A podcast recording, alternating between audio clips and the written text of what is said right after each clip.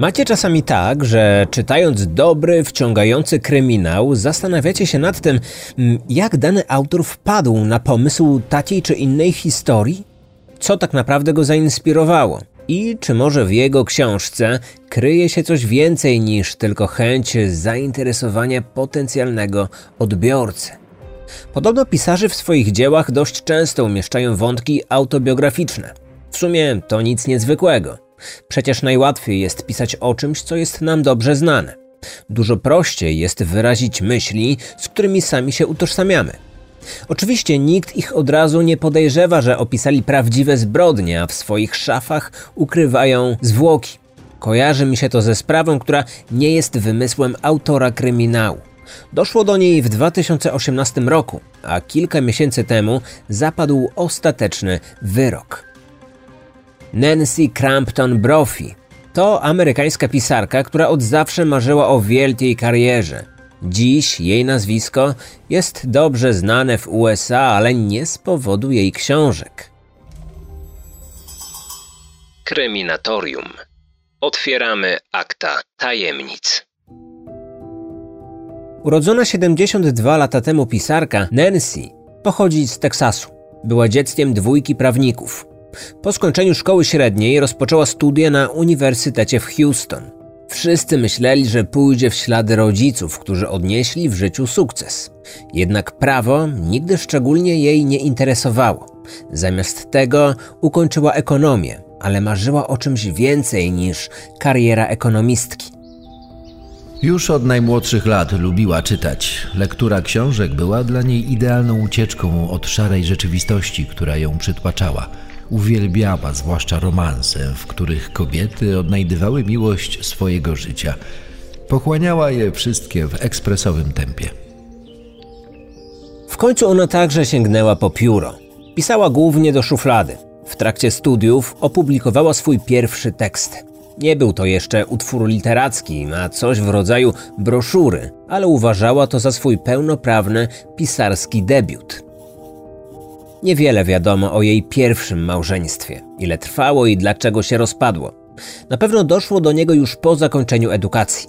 Nie mieli dzieci. W internecie można natknąć się tylko na wzmiankę, że jej mąż był policjantem. Niezbyt jej to odpowiadało, bo przynosił do domu broń, której ona nienawidziła. To dosyć ironiczne w obliczu późniejszych wydarzeń. Na początku lat 90. przeprowadziła się z Teksasu do Oregonu, a konkretnie do Portland, Zapisała się wtedy na zajęcia do szkoły kulinarnej. Jednym z nauczycieli i instruktorów był rozwodnik Daniel Brophy, dla przyjaciół Dan.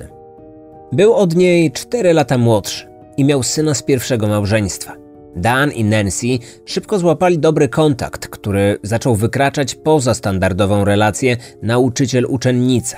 Mimo to na początku byli po prostu dobrymi przyjaciółmi. Jednak z czasem ich znajomość zaczęła ewoluować w kierunku czegoś bardziej romantycznego. W końcu zgodnie stwierdzili, że są w sobie zakochani. Pobrali się w 99 roku. Oboje mieli już olbrzymie doświadczenie życiowe. Ona miała wtedy 49 lat, a on 45. Kobieta prowadziła bloga. Wiele tekstów dotyczyło jej męża, w jednym z wpisów podzieliła się historią o tym, kiedy zrozumiała, że chce za niego wyjść. Brała kąpiel, czekając aż jej chłopak wróci do domu i do niej dołączy. W międzyczasie próbowała się do niego dodzwonić. Gdy w końcu odebrał, zdała sobie sprawę, że to właśnie on jest tym panem właściwym, jak później nazywała go w swoich tekstach. Od tamtej chwili wiedziała, że chce z nim spędzić resztę swojego życia. Tworzyli szczęśliwe małżeństwo, wzajemnie się dopełniali. Dan miał spokojną osobowość i nie był szczególnie wylewny. Natomiast Nancy z naturą gawędziarza lubiła dużo mówić. To właśnie ona miała w tym związku dominujący charakter. Mieszkali w domu na obrzeżach Portland. Mężczyzna hodował kury i prowadził własny ogródek. Była to jedna z jego pasji, w której żona go wspierała i często mu pomagała. Potrafiła odłożyć na bok inne obowiązki, aby nakarmić jego kury lub zająć się jego roślinkami. Nawet osoby sceptycznie nastawione, które początkowo nie wierzyły w ich miłość, w końcu musiały zmienić zdanie, gdy obserwowali ich małżeństwo.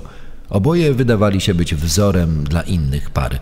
Poznali się będąc już osobami bardzo dojrzałymi, a mimo to udowodnili, że miłość nie patrzy na wiek. Pokazali, że nawet po czterdziestce można zacząć wszystko od nowa.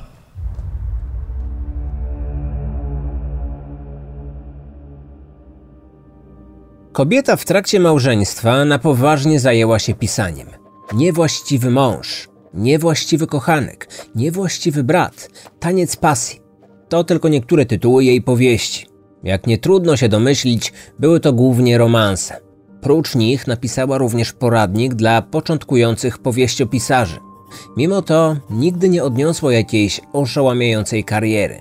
Jej książki miały zwykle niewielki nakład. Do tego nie współpracowała z żadnym wydawnictwem.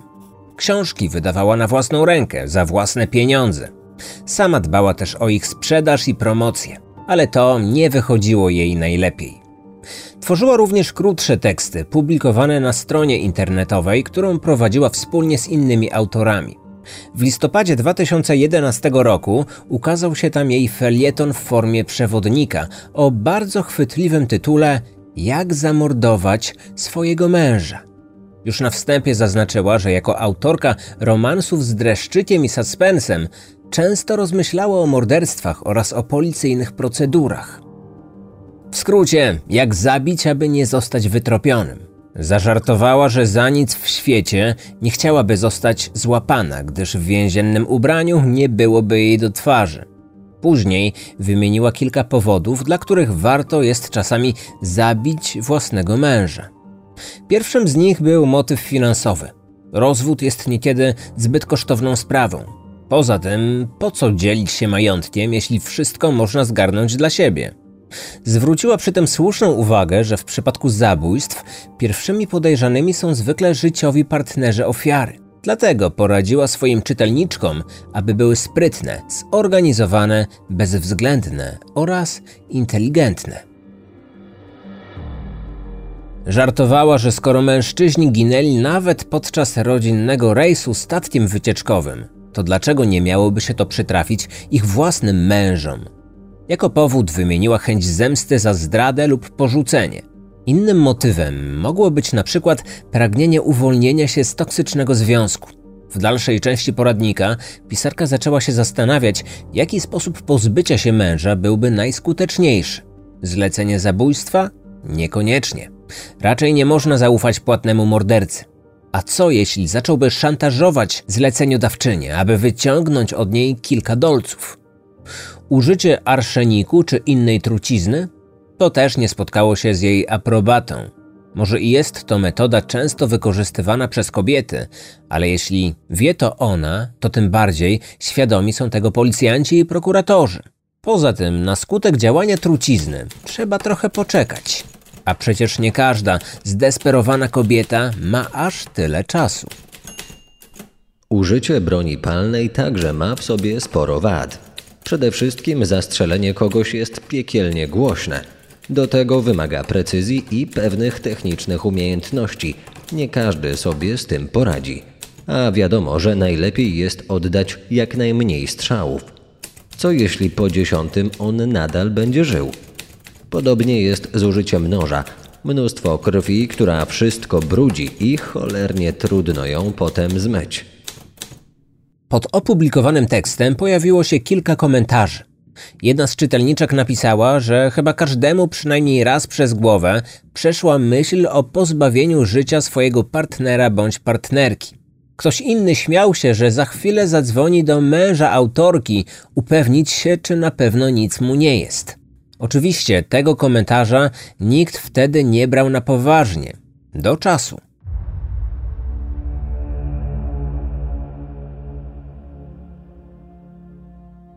2 czerwca 2018 roku Dan jak zwykle pojechał do pracy. Wyszedł z domu około 6.40. Dojazd do szkoły kulinarnej zwykle zajmował mu 40-50 minut. Był pierwszą osobą, która zjawiła się w pracy tamtego dnia. Otworzył drzwi i wyłączył alarm. Przebrał się w fartuch i wszedł do kuchni. Było 20 minut po godzinie siódmej. Około ósmej w szkole zjawili się pierwsi kursanci. Weszli do kuchni, w której miały się odbyć zajęcia. Zdziwiło ich to, że było w niej cicho. W dodatku nigdzie nie było Dana, który powinien być już na miejscu. Zawsze zjawiał się wcześniej, aby odpowiednio przygotować się do zajęć. Pomyśleli, że może wyjątkowo się spóźni. Przecież każdemu się to czasami zdarza, a może był w innej części budynku. Kiedy tak krzątali się po kuchni, w końcu go znaleźli. Okazało się, że był tam jeszcze przed nimi. Leżał na podłodze w kałuży własnej krwi i ewidentnie był martwy. Ktoś go zastrzelił. Na miejsce natychmiast wezwano policję. Oględziny ciała potwierdziły, że doszło do zabójstwa. Sekcja zwłok wykazała, że do ofiary oddano dwa strzały. Jeden w plecy, drugi w klatkę piersiową. Obie kule przeszyły serce, powodując śmierć na miejscu. Strzały oddano z pewnej odległości, co oznaczało, że strzelec nie stał blisko ofiary. Na miejscu zbrodni zabezpieczono duże ilości krwi. Po jej zbadaniu okazało się, że należała do zmarłego. Śledczy nie mieli wątpliwości, że doszło do zabójstwa. Detektywi odwiedzili pisarkę, aby przekazać jej tę smutną wiadomość. Przy okazji zapytali, co robiła tamtego ranka. To standardowa procedura, mająca na celu wykluczenie najbliższych z kręgu podejrzanych. Kobieta sprawiała wrażenie wstrząśniętej i załamanej z powodu śmierci swojego męża. Zeznała, że sobotni poranek spędziła w domu. Kiedy Dan wyszedł do pracy, leżała jeszcze w łóżku. Dopiero później wstała i wzięła prysznic. Twierdziła również, że tamtego dnia nie wyszła z domu. Wieczorem napisała w mediach społecznościowych, że jej mąż nie żyje. O jego śmierci dowiedziałem się z jej Facebooka. Byłem zszokowany tą informacją, zwłaszcza wzmianką, że został zamordowany. Z jej wpisu bił tak wielki smutek i przygnębienie. Poinformowała, że następnego dnia odbędzie się czuwanie przy szkole, w której uczył. Poprosiła również o to, aby przez jakiś czas nie kontaktować się z nią. Wszyscy ją rozumieli, przecież było jej ciężko. Straciła nie tylko ukochanego męża, ale i najlepszego przyjaciela. Na czuwaniu poświęconym pamięci tego mężczyzny pojawiła się nie tylko rodzina, ale także jego uczniowie oraz koledzy z pracy. Wiele osób zabrało głos. Przywoływano wiele wspomnień. Uwagę obecnych na miejscu dziennikarzy zwróciła wdowa. Kilka razy nawet się uśmiechnęła. W wyrazie jej twarzy było widać coś złowieszczego. Kiedy w końcu zabrała głos, mówiła o nim z wyraźnie zauważalną obojętnością. A przecież właśnie zamordowano mężczyznę, którego kochała nad życie. Niektórzy jej bronili. Tłumaczyli, że wdowa na pewno była pod wpływem silnych leków uspokajających, że to dlatego sprawiała wrażenie osoby chłodnej i niewzruszonej. Po śmierci męża pisarka szybko przeszła do porządku dziennego. Żyła tak jak wcześniej. Nie wyglądała na zranioną czy zasmuconą. Nikt nie widział, aby choć raz zapłakała. Oczywiście każda osoba radzi sobie z żałobą na swój własny sposób. Jednak przyjaciół zmarłego najbardziej uderzało to, że ta kobieta radośnie snuła dalsze plany życiowe, zupełnie jakby nic złego się nie wydarzyło. Mimo to nikt nie podejrzewał, że wdowa mogła mieć coś wspólnego z tym zabójstwem.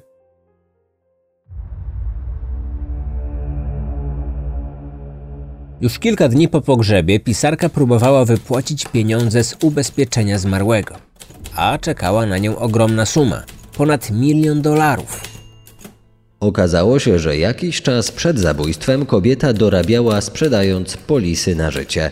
Oczywiście wykupiła taką polisę mężowi. Co ciekawe, ustanawiając siebie samą, jedyną beneficjentką. Ponadto odziedziczyła dom warty prawie 300 tysięcy dolarów. Nagle borykająca się z wiecznymi kłopotami finansowymi pisarka stała się bardzo bogatą wdową. To zwróciło uwagę śledczych, więc postanowili przyjrzeć się jej bliżej, a zwłaszcza jej małżeństwu. Zeznania ludzi, którzy ich znali, zaczęły wkrótce rzucać zupełnie inne światło na tę z pozoru żonę idealną. Okazało się, że małżonkowie od dłuższego czasu kłócili się o dom – ona chciała go sprzedać, a resztę życia spędzić na podróżowaniu po świecie. On nie chciał o tym słyszeć. Był domatorem i nie wyobrażał sobie takiego życia na walizkach. Nie miał zamiaru pozbywać się domu i porzucać swojej pracy. Oboje pragnęli zupełnie innych rzeczy. Ona lubiła być podziwiana przez innych. Chciała, żeby ludzie jej zazdrościli. Uważała, że nieustające podróże oraz odkrywanie innych kultur powinno być ich wspólnym celem życiowym. Mąż się z nią nie zgadzał. Był zadowolony ze swojego życia. Nie potrzebował wiele do szczęścia. Nie gonił za rozgłosem. Miał już wszystko, czego pragnął. Kochającą żonę, dobrą pracę, własny ogródek oraz syna i wnuki. Po jednej z kłótni wykrzyczał swojej małżonce, że będzie mogła sprzedać dom, ale dopiero po jego śmierci. Różnice pomiędzy nimi stały się wkrótce tematem plotek wśród znajomych. Mimo to kobieta nie znalazła się na policyjnej liście osób podejrzanych. Wkrótce miało się to jednak zmienić. Chęć wypłaty odszkodowania po tak krótkim czasie już sama w sobie była podejrzana. Jednak decydujący okazał się zapis nagrań z miejskiego monitoringu. Na początku śledztwa pisarka zeznała, że ranek 2 czerwca spędziła w domu. Zapis z kamer mówił zupełnie coś innego. Krótko po tym, jak mężczyzna wyjechał do pracy, jego żona także opuściła miejsce zamieszkania. Kamery kilkukrotnie zarejestrowały jej Toyotę. Osiem minut po godzinie siódmej przejechała obok szkoły męża. Dwadzieścia minut później pojawiła się w tym miejscu ponownie. Przesłuchaliśmy żonę zastrzelonej ofiary. Przedstawiliśmy jej dowody na to, że wcześniej nie była z nami szczera. Zaczęła się wtedy zasłaniać amnezją. Twierdziła, że nie pamięta, aby tamtego dnia opuszczała swój dom. Rano wzięła prysznic, później pracowała na swoim komputerze. Po pewnym czasie przyznała jednak, że chyba na chwilę wyszła z domu po kawę. Wciąż twierdziła jednak, że nie była w pobliżu szkoły, w której pracował jej mąż. Z każdym kolejnym zdaniem śledczy coraz mniej jej wierzyli. Trzy miesiące później do drzwi domu Nancy zapukała policja. Kobieta była przekonana, że detektywi chcieli jej przekazać jakieś nowe szczegóły prowadzonego śledztwa. Już na progu zapytała ich, czy namierzyli w końcu zabójcę. Odpowiedzieli, że tak, po czym wyciągnęli kajdanki i zaczęli odczytywać jej prawa. Pisarka trafiła do aresztu. Oskarżono ją o popełnienie zabójstwa z premedytacją. Dowód w postaci nagrań z kamer był decydujący przy wydaniu nakazu aresztowania. Dodatkowo śledczy trafili na jej artykuł o tym, jak skutecznie pozbyć się własnego męża. Odkryto również, że miała w domu pistolet.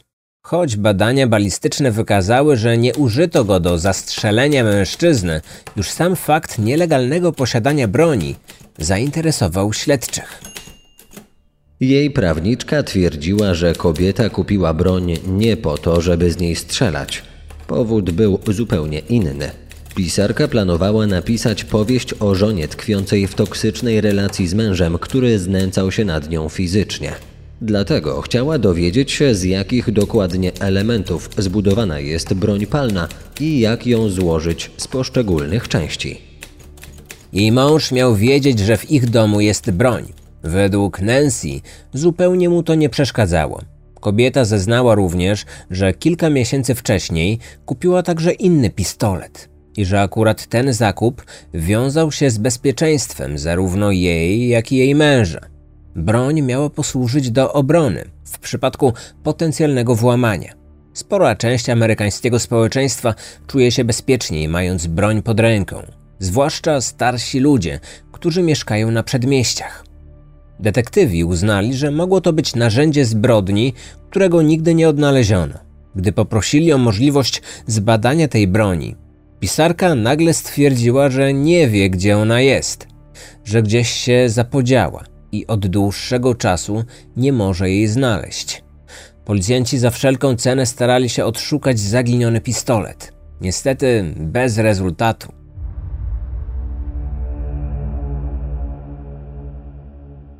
Nancy wciąż nie przyznawała się do zabicia męża.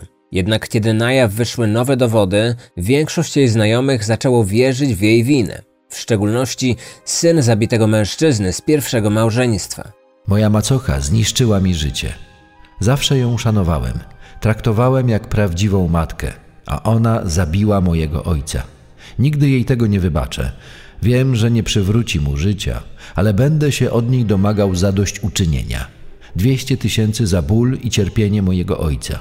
Pół miliona za straty, jakie ja poniosłem oraz milion za to, że zostałem sierotą. W tym czasie wdowa przebywała już w areszcie, czekając na proces. Kilka razy próbowała wyjść za kaucją, ale sędzia nie wydał na to zgody. Na początku pandemii koronawirusa jej obrończyni argumentowała, że pisarka jest w podeszłym wieku, więc jej pobyt w areszcie stwarza ogromne ryzyko zakażenia się koronawirusem, co mogłoby doprowadzić nawet do jej śmierci. Sąd uznał jednak, że wypuszczenie jej na wolność mogło skończyć się próbą mataczenia w śledztwie, dlatego pozostała w zamknięciu. Proces rozpoczął się w 2022 roku.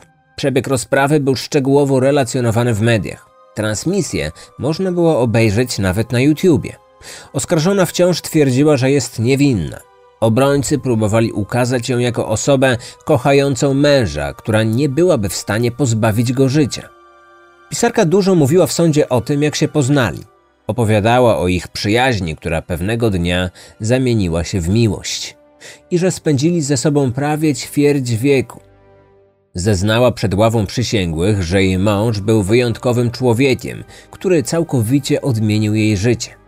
Wzajemnie się uzupełniali. Jego słabości były jej siłą i na odwrót. Jednak mowa jej ciała wzbudzała liczne kontrowersje. Kobieta często się uśmiechała. Nawet wtedy, gdy prokurator przedstawiał drastyczne szczegóły z miejsca zbrodni. Zachowywała się tak, jakby nie zdawało sobie sprawy, że to właśnie ona jest oskarżona o zabójstwo swojego męża. Dziennikarze zwracali uwagę na to, że podczas całego procesu nie uroniła ani jednej łzy. Co prawda, czasami pojawiał się na jej twarzy grymas smutku, ale bardzo szybko zmieniał się w szeroki uśmiech. W trakcie składania wyjaśnień mocno gestykulowała. Często modulowała swój głos, jakby chciała swoim słowom nadać odpowiednią oprawę. Nie wykazywała przy tym żadnych oznak stresu czy zdenerwowania. Mówiła, że nie pamięta, co dokładnie robiła rankiem 2 czerwca 2018 roku. Być może pojechała na kawę, a może i nie. Może faktycznie przejeżdżała obok szkoły, a może to nie była ona. Jeśli tam była, to na pewno nie weszła do środka. Prokurator zapytał, jak może być tego pewna, skoro twierdzi, że niewiele pamięta. Odpowiedziała wtedy, że mówi to, co podpowiada jej serce. I do końca upierała się, że to nie ona pociągnęła za spust. Obrona przekonywała sąd, że na miejscu oskarżonej powinien siedzieć ktoś inny. Dan często pomagał bezdomnym, kupował im jedzenie, często z nimi rozmawiał. W okolicy szkoły zawsze kręciło się bardzo wielu takich ludzi. Dlatego obrońcy kobiety wysunęli teorię, że zabójcą mógł być właśnie jakiś bezdomny. Może włamał się do szkoły, aby coś ukraść, a później sprzedać. Może został wtedy przyłapany przez męża oskarżonej. Na potwierdzenie tych słów nie było jednak żadnych dowodów, więc prokurator bez problemów uciął podobne hipotezy. W czerwcu 2022 roku, cztery lata po śmierci ofiary, zapadł wyczekiwany przez wszystkich wyrok. Ława przysięgłych uznała oskarżoną za winną zabójstwa drugiego stopnia. Kobieta została skazana na dożywotnie pozbawienie wolności z możliwością zwolnienia warunkowego po upływie 25 lat. Uznano, że motywem były pieniądze z ubezpieczenia oraz dom. Jako, że przed skazaniem kobieta spędziła w areszcie śledczym prawie 4 lata, do odsiadki pozostało jej co najmniej 21. Oczywiście, jeśli będzie wtedy jeszcze żyła, mając 90 lat i jeśli uzyska przedterminowe zwolnienie. Pisarka nadal utrzymuje, że jest niewinna, a jej obrończyni zapowiedziała złożenie kolejnej apelacji. Odcinek powstał na podstawie informacji dostępnych na takich portalach informacyjnych jak People, The US Sun, The Oregonian, New York Times, Washington Post oraz artykułów dziennikarzy m.in. Christine Pelisek, Nikki Main, Marka Bakera oraz Zayna Sparlinga. Wykorzystano również felieton napisany przez Nancy Crampton Brophy pod tytułem How to Murder Your Husband.